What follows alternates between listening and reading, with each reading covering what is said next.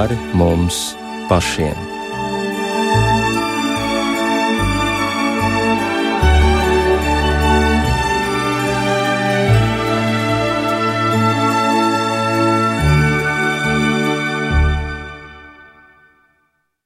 Esiet sveicināti raidījumā pāri mums pašiem, lai ir slavēts Jēzus Kristus. Studijā Inte Zēgnere par skanējumu rūpējas Katrīna Bramberga. Ir iezvanīta pirmā adventa svētdiena, mēs sākam ceļu pretī Ziemassvētkiem, un patiesībā pašā šajā augstākajā gada laikā ir ierakstītas kādas noslēpumainas ilgas. Jā, varētu sacīt, pēc saules gaismas, pēc pavasara atgriešanās, bet aiz tā visa ir kaut kas vēl nepazīstams, noslēpumains, vārdos neizsakāms. Tas ir kaut kas līdzīgs kā ilgas pēc neiepazītā, pēc labākā, pēc skaistākā, kā skatīšanās uz horizonta līniju, kad esam pie jūras. Un tieši šīs ilgas izsaka arī adventa būtību, un par to mēs šovakar runāsim ar Ādažu un Garkalnes evaņģēlisku luterisko draugu mācītājiem Ivaru Jēkabsonu un Aigaru Vančenko. Labvakar! Labvakar! Labvakar. Nu, tagad es tā varu iedomāties, nes kā izskatās šobrīd Baltezerā. Tur noteikti viss ir sasniedzis. Tā ir vieta, kur tu īvar kalpo vai garkalnē. Nu, vispār droši vien tāds balts dabas brīnums. Kā tad, tad ir pienākusi šī pirmā adventa? Nu, balts ir ārā, balts ir arī iekšā. iekšā. Ir sadegts daudz gaismeņas un adventa vainagā pirmā tā saucamā cerības ilgu, jeb pravieša svece, kā dažkārt to tradīcijā dēvē, kas iededz to pirmo gaismiņu, kas aizdegusies cilvēcē, kas vēl gadsimtiem pirms Kristus saredzēja, ka nāks tā diena, kad Dievs pieskarsies pasaulē īpaši caur savu dēlu. Kāds bija ga Garkalnē dievkalpojums, ko tu teici saviem atnācējiem? Šodien gan īsti es nekalpoju, man aizvietoja evanģēlists viens no mūsu baznīcas evanģēlistiem. Un tad viss ir jāsaka uh, tagad vakarā. Uh, jā. Tas netika pateikts no rīta. Nu, ja godīgi, uh, tas būtiskākais, ko es domāju, arī man šodien bija tāda neliela saruna ar savu tuvāko radinieku, proti, ar savu mammu. Un mēs klausījāmies vienu no manām kompozīcijām, kas šogad tapušas ar nosaukumu Jauns sākums Kristū. Un stāstot viņai par šo kompozīciju, es atcerējos to laiku, kad es kļuvu kristietis, kā izmainījās tas jaunais sākums. Un patiesībā tieši tas sasaistījās man ar adventu. Tas manas dzīves advents. Sagaidot Kristu, Kristus ienākšanu manā dzīvē, eh, viņa raisīja tādas ļoti pozitīvas, ne tikai emocijas, bet vispār pārmaiņas visās jomās. Bet nes kā viņš ienāk? Nu, konkrēti tavā gadījumā. Jā, patiesībā viss sākās ar dzīves pārbaudījumiem, dažādiem izaicinājumiem, kas mani lauza, lika uz ceļiem. Un tajā brīdī, kad es droši vien biju visalauztākais, es biju visvairāk gatavs ielaist savā dzīvē Kristus klātbūtni, un tad arī notika. Tad tie mākoņi pašķīrās un iespīdēja Kristus gaismu. Tas viss tā tēlēni skan, un varbūt daudzas skaistas frāzes mēs varam izlasīt grāmatā, bet bieži vien ir grūti paskaidrot, kas tad ir aiz šiem vārdiem, un tad arī notika. Nu, kas gaisma iespiedēja istabā vai kāda balss pēkšņi sacīja, nu, tavā dzīvē viss ir mainījies, nu, tā tad notika. Tur ir kaut kas. Jā, protams, tam visam vienmēr nāk līdzi kāda pieredze, un, protams, Pārtiska daļa pieredze. pieredze jā. precīzi, un, un daudz ko no tā patiesībā nevar vārdos varbūt izstāstīt, bet to, ko var izstāstīt, ir tas, ka es atgūstu cerību, es sapratu, ka manai dzīvē beidzot ir mērķis, jēga nozīme, ka tam, ko es varu, drīkstu darīt un ko arī man ir iespēja darīt, ka es ar to varu beidzot izdarīt kaut ko jēgpilnu un ar ko es varu nest svētību apkārtējiem cilvēkiem. Nu, un, protams, ar laiku tas viss arī e, lika man saprast, ka pāri visam svarīgākais ir tas, ko es varu izdarīt Dievam, proti, atbildēt uz viņa mīlestību ar savu mīlestību. Jā, nu, bet Ivara, tu biji savā baznīcā, pirmā svece tika aizdedzināta, un saviem draudzes locekļiem, visiem, kas bija atnākuši savai draudzē, tu kaut ko teici. Šī diena bija īpaši veltīta evaņģēlīja apcerēji par um, pēdējiem laikiem. Un tas īpašais, kas man šķita svarīgi kopā ar citiem to līdzdalīt, ir, ka pat ja tumsa sabiezē, pat ja pasaules pamati satricinās un sašķobās, un saule vairs nespīd, mēnesis arī visi orientieri ir sašķobījušies. Kristus saka, tas ir normāli, ja tā var teikt, tā, tā vienkārši populāri tulkojot. Tas, tas, tas pieder pie šī laika, pie, varbūt pie laiku beigām, kas tāds tā kā nevar saprast, cik ilgi tas ies, bet tās ir tādas šī laikmeta zīmes. Bet vienlaikus, pat ja mēs pie daudz kā esam paši vainīgi, paši jau esam tos pamatus atstājuši vai izšķobījuši, bet ka vienlaikus Eh, tas viss, šīs krīzes, šie satricinājumi notiek arī tāpēc, ka kungs tuvojas. Un tad ļaunumam sāk pamats zem kājām zust, bet tiem, kas ir atsaukušies labajam, mīlestībai, ticībai, gaismai, tie aizvien vairāk pieaug priecīgā cerībā. Tuvojas, beidzot nāk, beidzot viņš ir klāts. Mēs viņu ar katru adventu no jauna saprotam, ka esam vēl vienu soli tuvāk tai atpestīšanas dienai, kas pasauli e, apmetīs gaisā pilnīgi uz jaunu debesu un jaunu zemi, kur nebūs vairs šīs negācijas, ar ko pasaule nomokās šobrīd. Bet tu gribi teikt, ka aizvien vairāk pieaug kaut kāda tāda garīga konfrontācija. Tā tieši, tu sajūti es to. to arī domāju. Es to izjūtu tumšajā laikā ne tikai kā saules trūkumu, par ko tu sākumā runāji, un kā ilgas pēc siltajām zemēm, bet es to izjūtu arī kā tādu nospiedošu depresiju visos plāk, visās plāksnēs, kas kaut kur rezonē gaisā. To var izjust gluži fiziski, kā uh, pēkšņi uznāk kaut kāda melnie, un tu saproti, nav spēka, nav jēga. Es nesaprotu, priekš kam tas viss. Un es to jūtu kā tādu uzmācīgu tumsu, kas nāk virsū caur dažādiem apstākļiem, vienalga materiāli vai attiecībās. Un tad es saprotu, oh, tā ir realitāte ne tikai kaut kur citur, nelabvēlīgās, nezinu, vidēs, bet tas iespiežas te pa labi izremontētu dzīvokļu durvīm. Ja?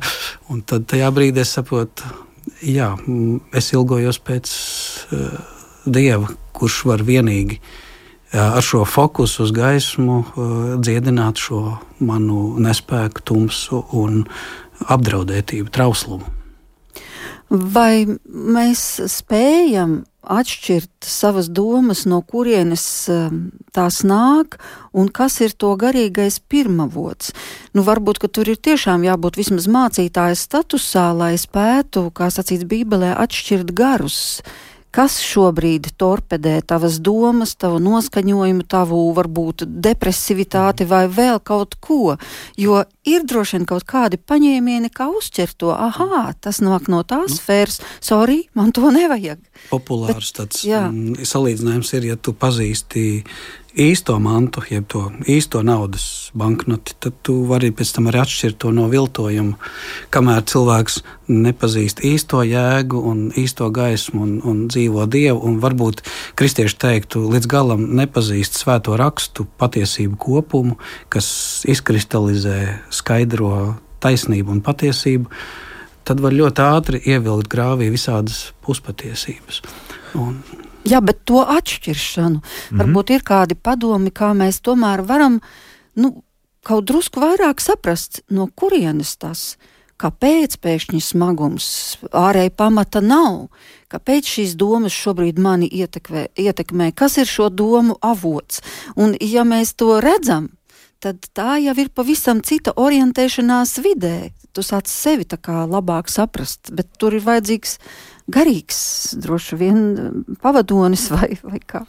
Nu jā, ja tā padomā par to, kas un kā mēs tās domas spējam kādā veidā izšķirt, uh, pirmais, kas man nāk atmiņā, ir tas, kas ir Dievs. Dievs ir miera Dievs. Un Dievs ir tas, kurš esot attiecībās ar viņu, piepilda mūs ar mieru un ar harmoniju.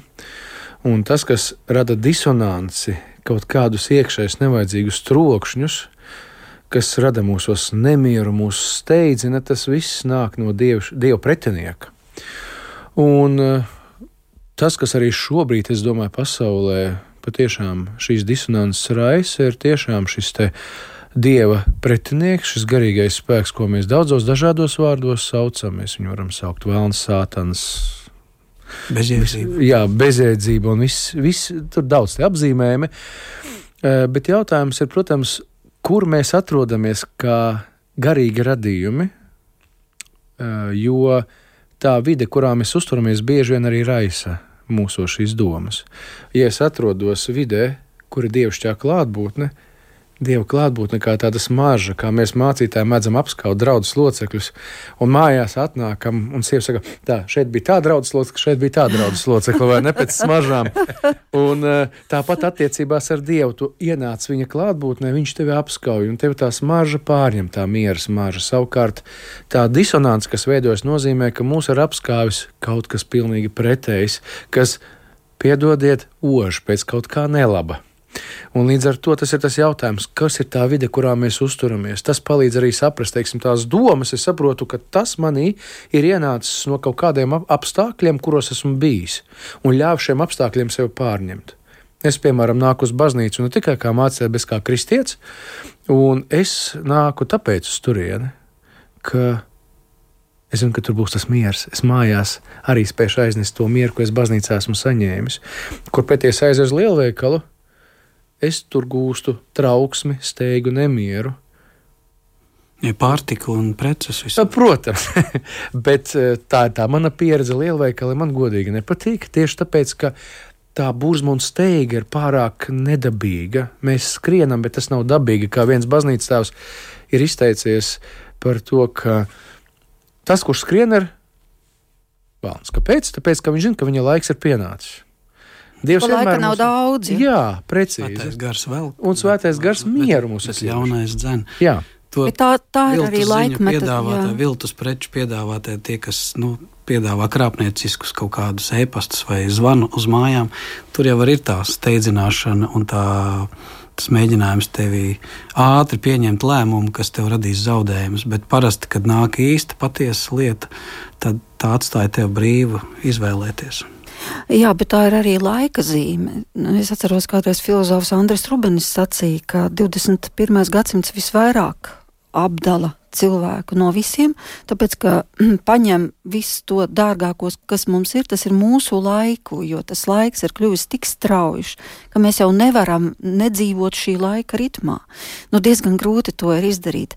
Bet par tām ilgām, redz, tu minēji Aigaru lielveikalu, bet zini, dažreiz tāda sajūta rodas, piemēram, esot ļoti lielās pilsētās, megapolēs, nu vienalga, lai tā būtu tur Londona, Parīze vai, vai Ņujorka, kur vienkārši tā kā skudru pūznes šie cilvēki pārvietojas, katrs ar savu dzīvi, rūpēm, likteni, un ja tu tā paskaties uz to kaut vai tā no metro augšas, tu domā, vai tiešām Dievs katru no viņiem zina, katru mīl, par katru grib rūpēties, nu, katrs viņam ir individualitāte, un katru viņš grib nest uz savām rokām. Taču viņu ir tik daudz, viņi ir tik dažādi, vai tiešām, un dažkārt varbūt nav viegli tam noticēt, tam katram individam. Jā, tur tajā skudra pūžņa dzīvē ātrums, laiks rita citādāk nekā raugoties tā pieņem no augšas, no dieva perspektīvas. Tomēr ticu, ka dievam kā radītājam nu, mūsu teiktu, tās ir superspējas, ir, ir pieslēgums katram. Un, kā teica kāds no e, mācītājiem, ka caur lūkšanu dievam ir pieslēgums pasaulē.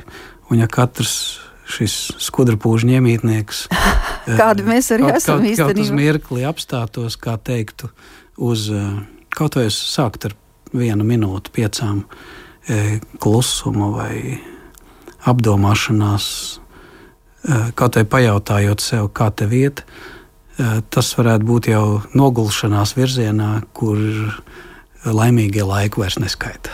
Nogulšanās virzienā tas man atgādina to slaveno arhibīskapu Jāņa Vanaga teicienu par to, ja nevari aiziet uz baznīcu, tad vismaz rāpo uz turieni, bet ja nevari parāpot, tad vismaz nogulies baznīcas virzienā. Bija tāds kādreiz tas, teikts, mēs šodien citāts, jā, darījām. Jā. Mēs uh, ieslēdzām tiešsaisti vēl aizvien kopš Covid laika iemācīto prasmi, lai tie, kas kaut kādiem iemeslu dēļ palikuši mājās, tomēr tiktu uzrunāti. Bet uh, tūlīt būs arī kāda dziesma, kas arī runā par šīm ilgām, un tā ir jūsu izvēle. Jā, Ivar, tu, Ivar, tu šo dziesmu izvēlējies, lai tā tiktu dāvināta mūsu klausītājiem. Par ko tā ir un kas to ir radījis? Man šķiet, ka blakus visai tai nu, tumsas apdraudētības sajūtai adventu laikā, kur ilgojas pēc dziedinājuma, miera un tā aicinājuma uz tādu nomodas stāvokli, uz tādu askēzi, man šķiet, ka adventu laiks ir arī tādā labā nozīmē ļoti romantisks. Eh, tas ir kā attiecību atjaunošana, kā Jēzus iemīlēšana no jauna un vairāk, un ļaut šai mīlestības dvēsmai, karstumam piešķirt spēku tavai rosībai. Nu, piemēram, kad tu zini, ka tas, ko tu ļoti mīli, un tas, kurš ļoti mīl tevi, nu, rīt ieradīsies ciemos. Ko tu darīsi visu šo iepriekšējo laiku? Man liekas, ka tur ar māju viss būs kārtībā. kārtībā. Tu saposīsies, un tas tev neprasīs pārpūli. Tu vienkārši būsi aizrautībā, sagatavojis vietu, lai būtu īpašais laiks. Un šīs ilgas tumsā pēc tā mīļotā, kam es dodos pretī. Uh, Martins Smits dziesmā Salamana dziesma, jeb oriģināls Salamans song. Uh, viņš skaisti interpretē, manuprāt, šo, šo ilgu faktoru, kas ir raksturīga tieši arī adventam, kā tāda uh, mīlētāja steigšanās pretī tam, kurš tevi ļoti mīl, mēs teiktu, Kristus, kurš mūs tik ļoti mīlējis. Un šī dziesma saka tieši tādā mūsu kontekstā, kad jūtams ziemas augstums un drēgnums manu dzīves kauj, es pēc tevis ilgojos. Kad ļaunums mani satricina un visi tie vārdi mani lauž, es ilgojos pēc tevis. Pār kalniem un pār jūrām tu pie manis steidz mans mīļotais, Tava klātbūtne, lai neizgaist no tumsas mani rauj, es ilgojos pēc tevis. Skaistums tavās rokās mani skauj, maigums tavā dziesmā ceļu lauž, es ilgojos pēc tevis. Pār kalniem un pār jūrām steidzies tu pie manis mīļotais, caur ielām un cauri tumšai naktī nāc, steidz man pretī turi mani, līdz viss top gaišs. Es nākšu, es steigšos, Es skriešu pretī tev, pie tevis atgriezīšos es.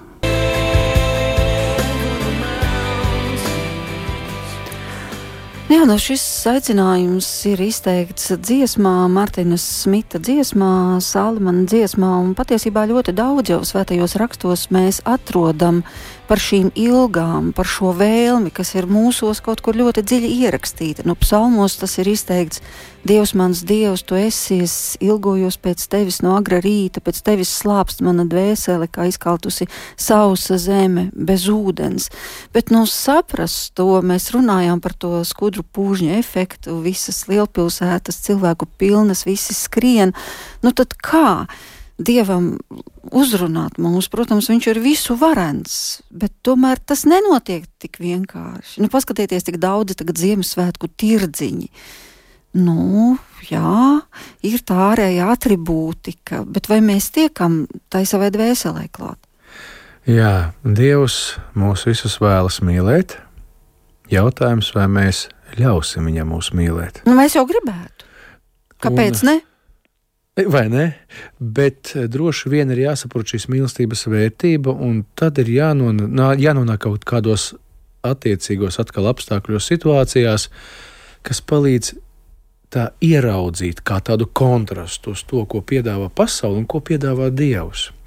Mums jāpiedzīvo slāpes. Tāpat kā ūdeni mēs sākam novērtēt tad, kad mēs esam izslāpuši, kad tu esi padzēris, tev neinteresē ūdens, kad tu esi paēdis, tev neinteresē, neinteresē ēdiens.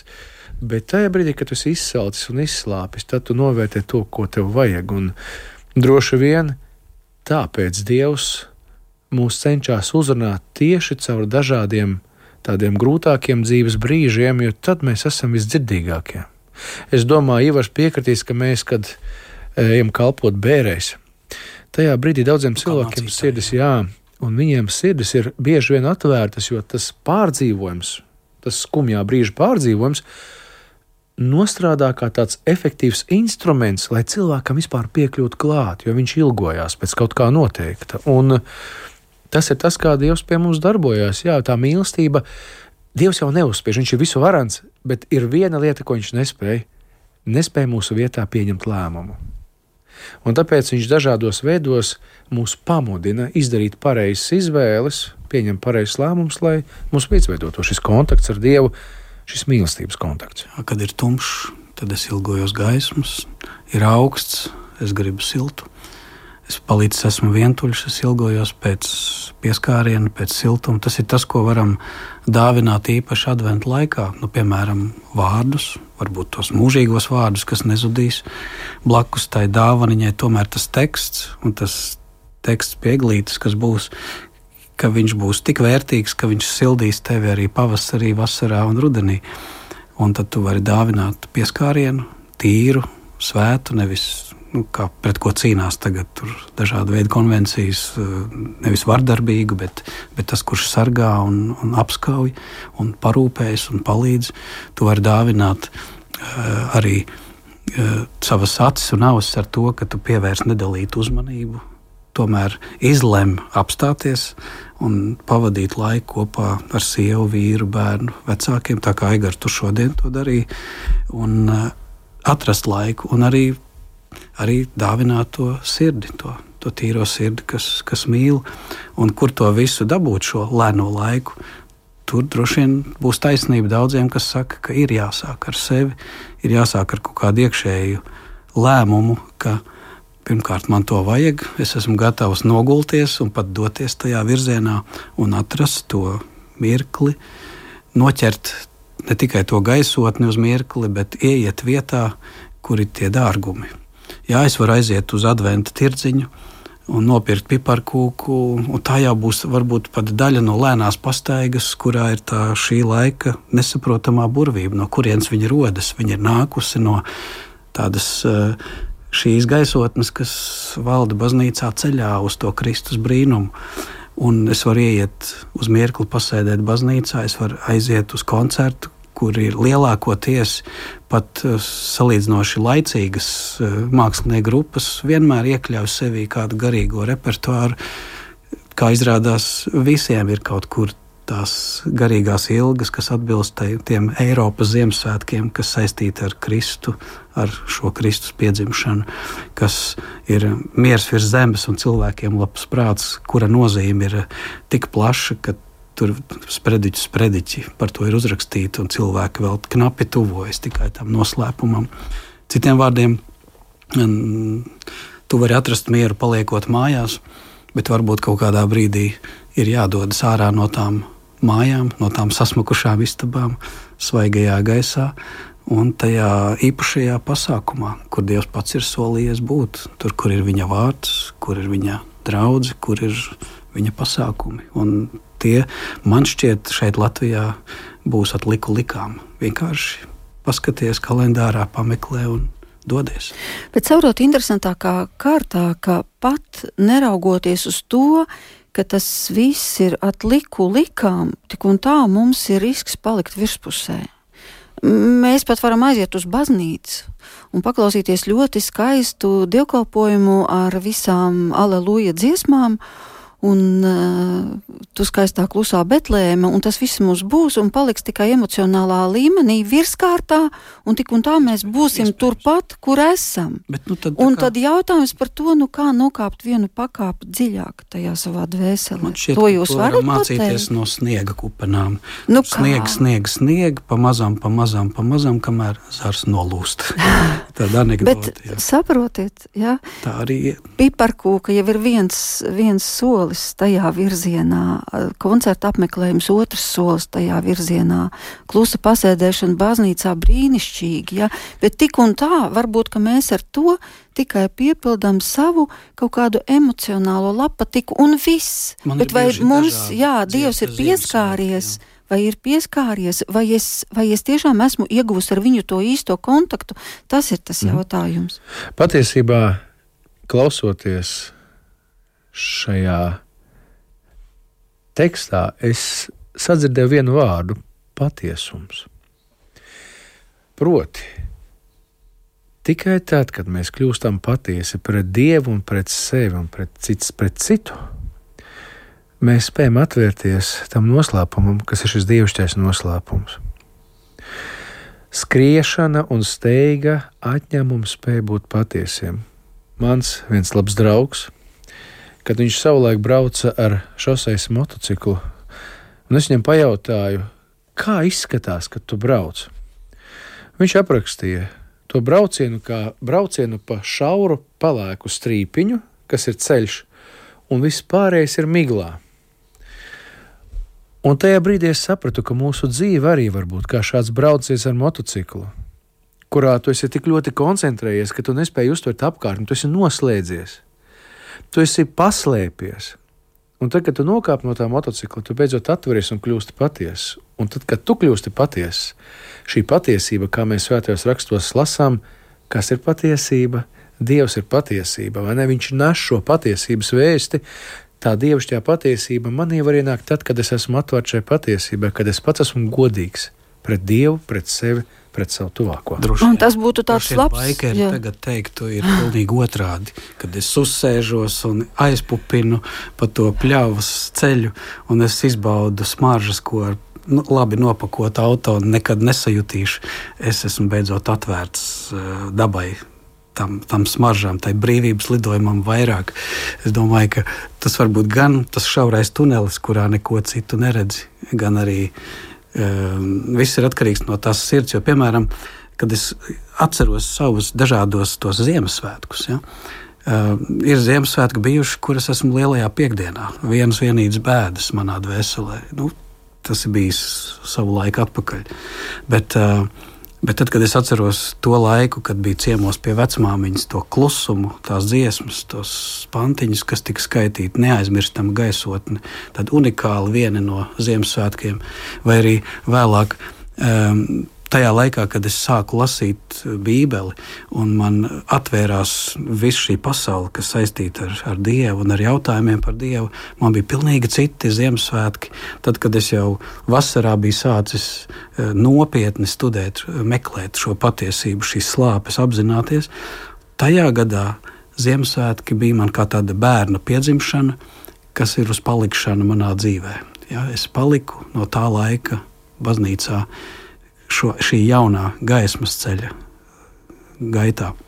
Un tas norāda to, ka nu, tu nevari visiem garantēt dziļumu, bet kādam citam, kurš šajā brīdī ir nu, nonācis līdz šim slieksnim, kurā viņš ir gatavs atvērt durvis, pat vismazākais e, koncerts kaut kur nomalē var izrādīties ar liktenīgiem vārdiem, kas tevi ieved.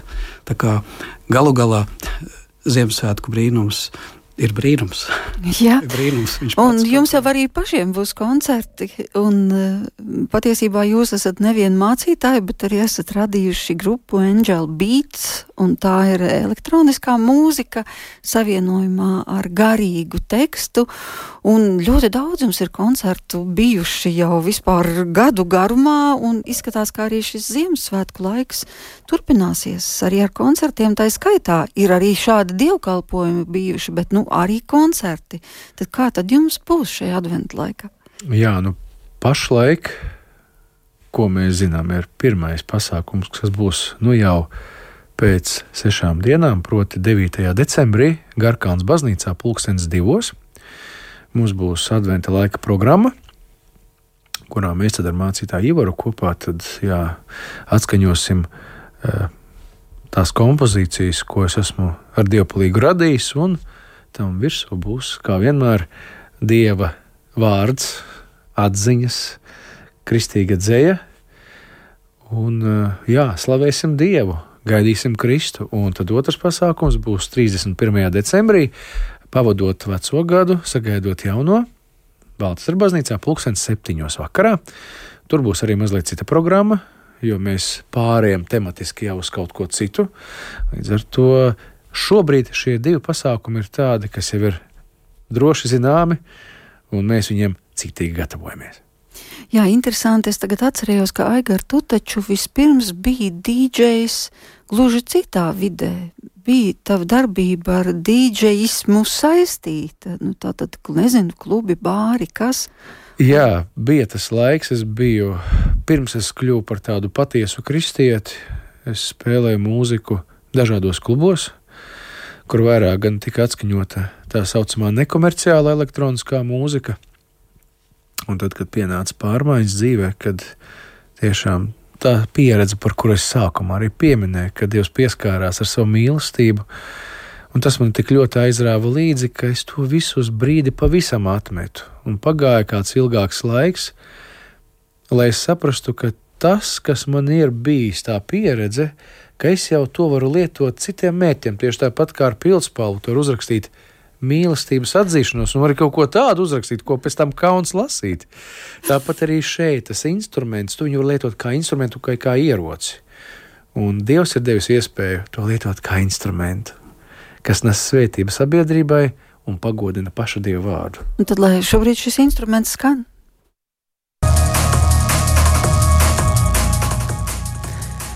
Nāca to ļaužu pestītāja ļoti pazīstams uh, korālis un ļoti pazīstami vārdi, un galu galā Johanam Sebastianam Baham ir korāļu prelūdija arī un Komden Haiden Highland.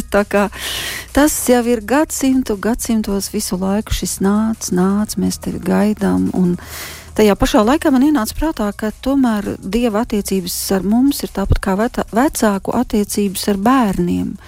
Ka vecāki ļoti ilgojas, lai, lai šis bērns atnāk ciemos, lai piezvana, lai sajustu šo mīlestības saikni, un tur nav iespējams piespiest, bet tajā pašā laikā, ja tas tā nav, tad vecāki ļoti cieši, un viņiem tas ļoti sāp, un droši vien līdzīgi ir arī Dievam, ka vienkārši viņam... ļoti interesants arī adventa ilgošanās aspekts, ka Dievs, kuram nekā nevajag, kuram viss ir, kurš ir radījis cilvēku brīvu, palikt pie viņa un pat arī iet prom no viņa, ka viņš ilgojas.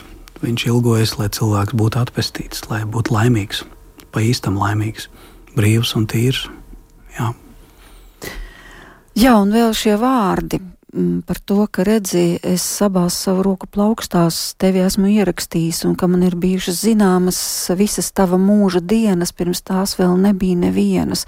Un ja mēs tā paskatītos kaut vai pravieša Jesai grāmatā, kas ir ļoti raksturīgi tieši adventa laikam, kur ir šie apsolījumi, kā atnāks glābējs, kurš ielūzuši niedri nenolauzīs un kvēlojošu degli nenodzēsīs un netrokšņos ielās, bet runās mums par patiesību.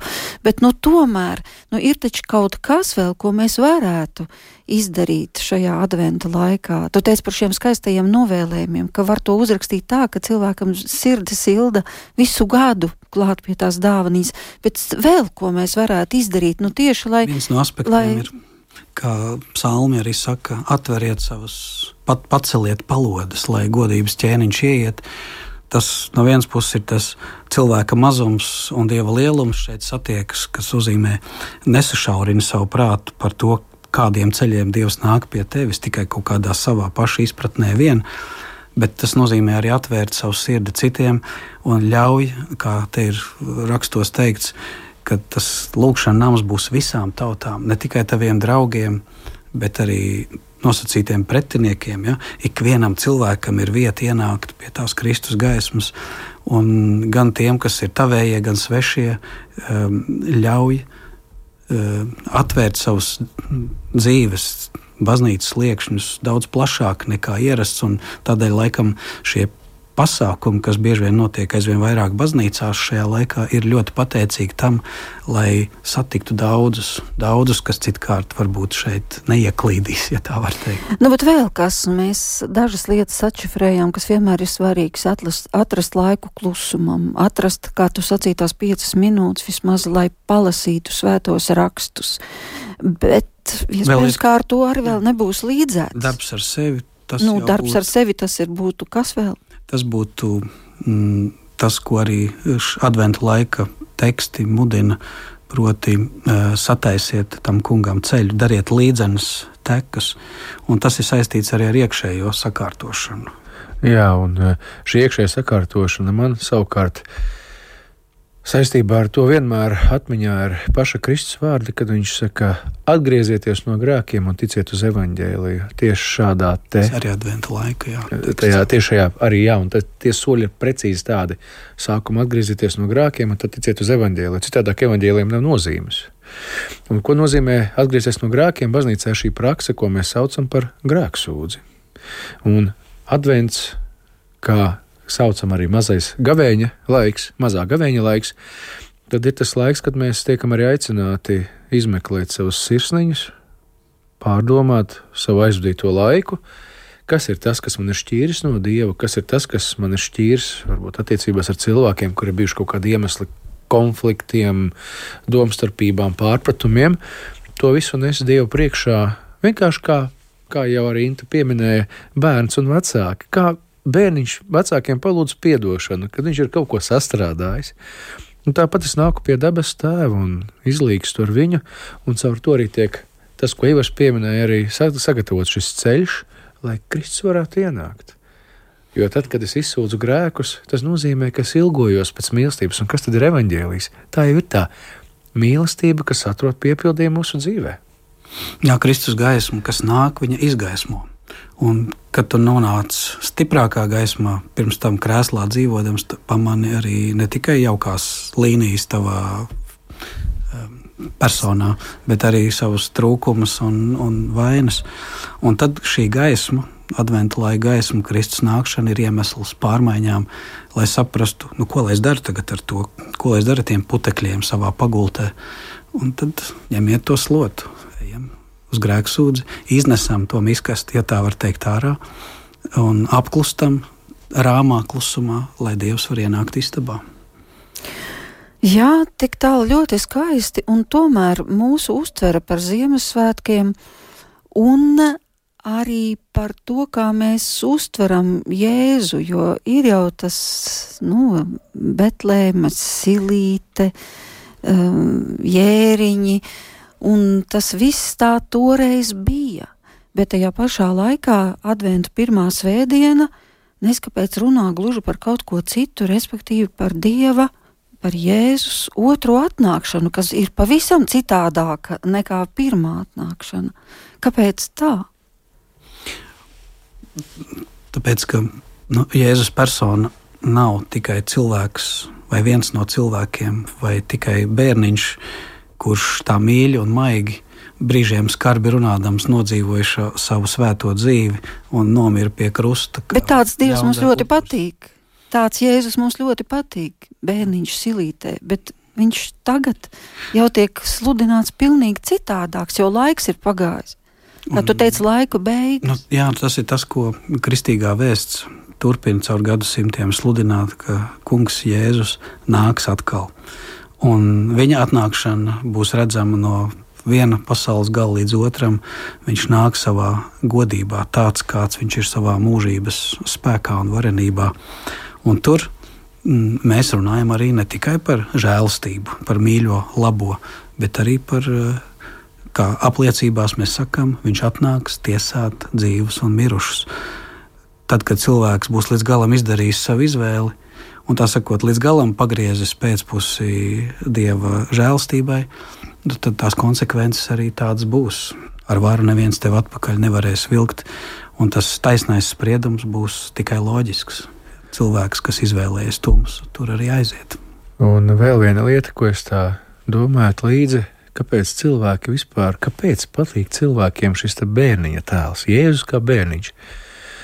Tāpēc, ka bieži vien, varbūt mēs to neapzināmies, bet, ja tā padomā labāk, mēs paši negribam izkāpt no bērnišķības laukā.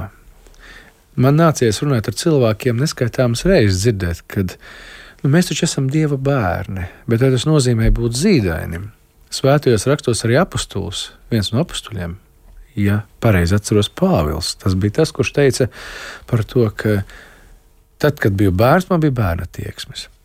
Bet es kļūstu lielāks, es pieaugu. Un Jēzus ir pieaudzis. Un tāpēc bērni bieži vien tie iekšējie bērni, kas mūsos ir, viņi negrib augt. Un tāpēc viegli pieņemt Jēzu kā bērniņu. Tu viņu vari kontrolēt, nu, teiksim, tā pakārtot savām kaut kādām vēlmēm, interesēm. Bet tad, kad Jēzus izaug par lielu cilvēku, tas nozīmē, ka viņš tevi vada. Un tur ir tas laušanas brīdis, kad man jāļauj sevi vadīt. Nevis man jāuzņemās, es darīšu, kā gribēšu, bet, kungs, kā tu teiksi, ne mans, bet tavs prāts, lai notiek. Jā, laikam tā arī ir viena no svarīgākajām adventa vēstīm, tad mainīt to ceļa kursu uz viņu prātu. Un man savukārt jāsaka paldies, ka šovakar padalījāties savās domās, atbraucāt no Garkalnes, atbrauc no Baltezera un kopā ar mums šajā stundā, ar kuru mēs jau sākām svinēt adventu, bija Ādažu un Garkalnes evaņģēliska luterisko draugu mācītāji Vars Jēkabsons un Aigars Vančenko. Kopā ar jums šajā vakarā bija Inte Zēgnere, bet par skanējumu rūpējās Katrīna Bramberga. Lai jums un arī mums visiem gaišs un svētīgs šis ceļš pretī Ziemassvētkiem!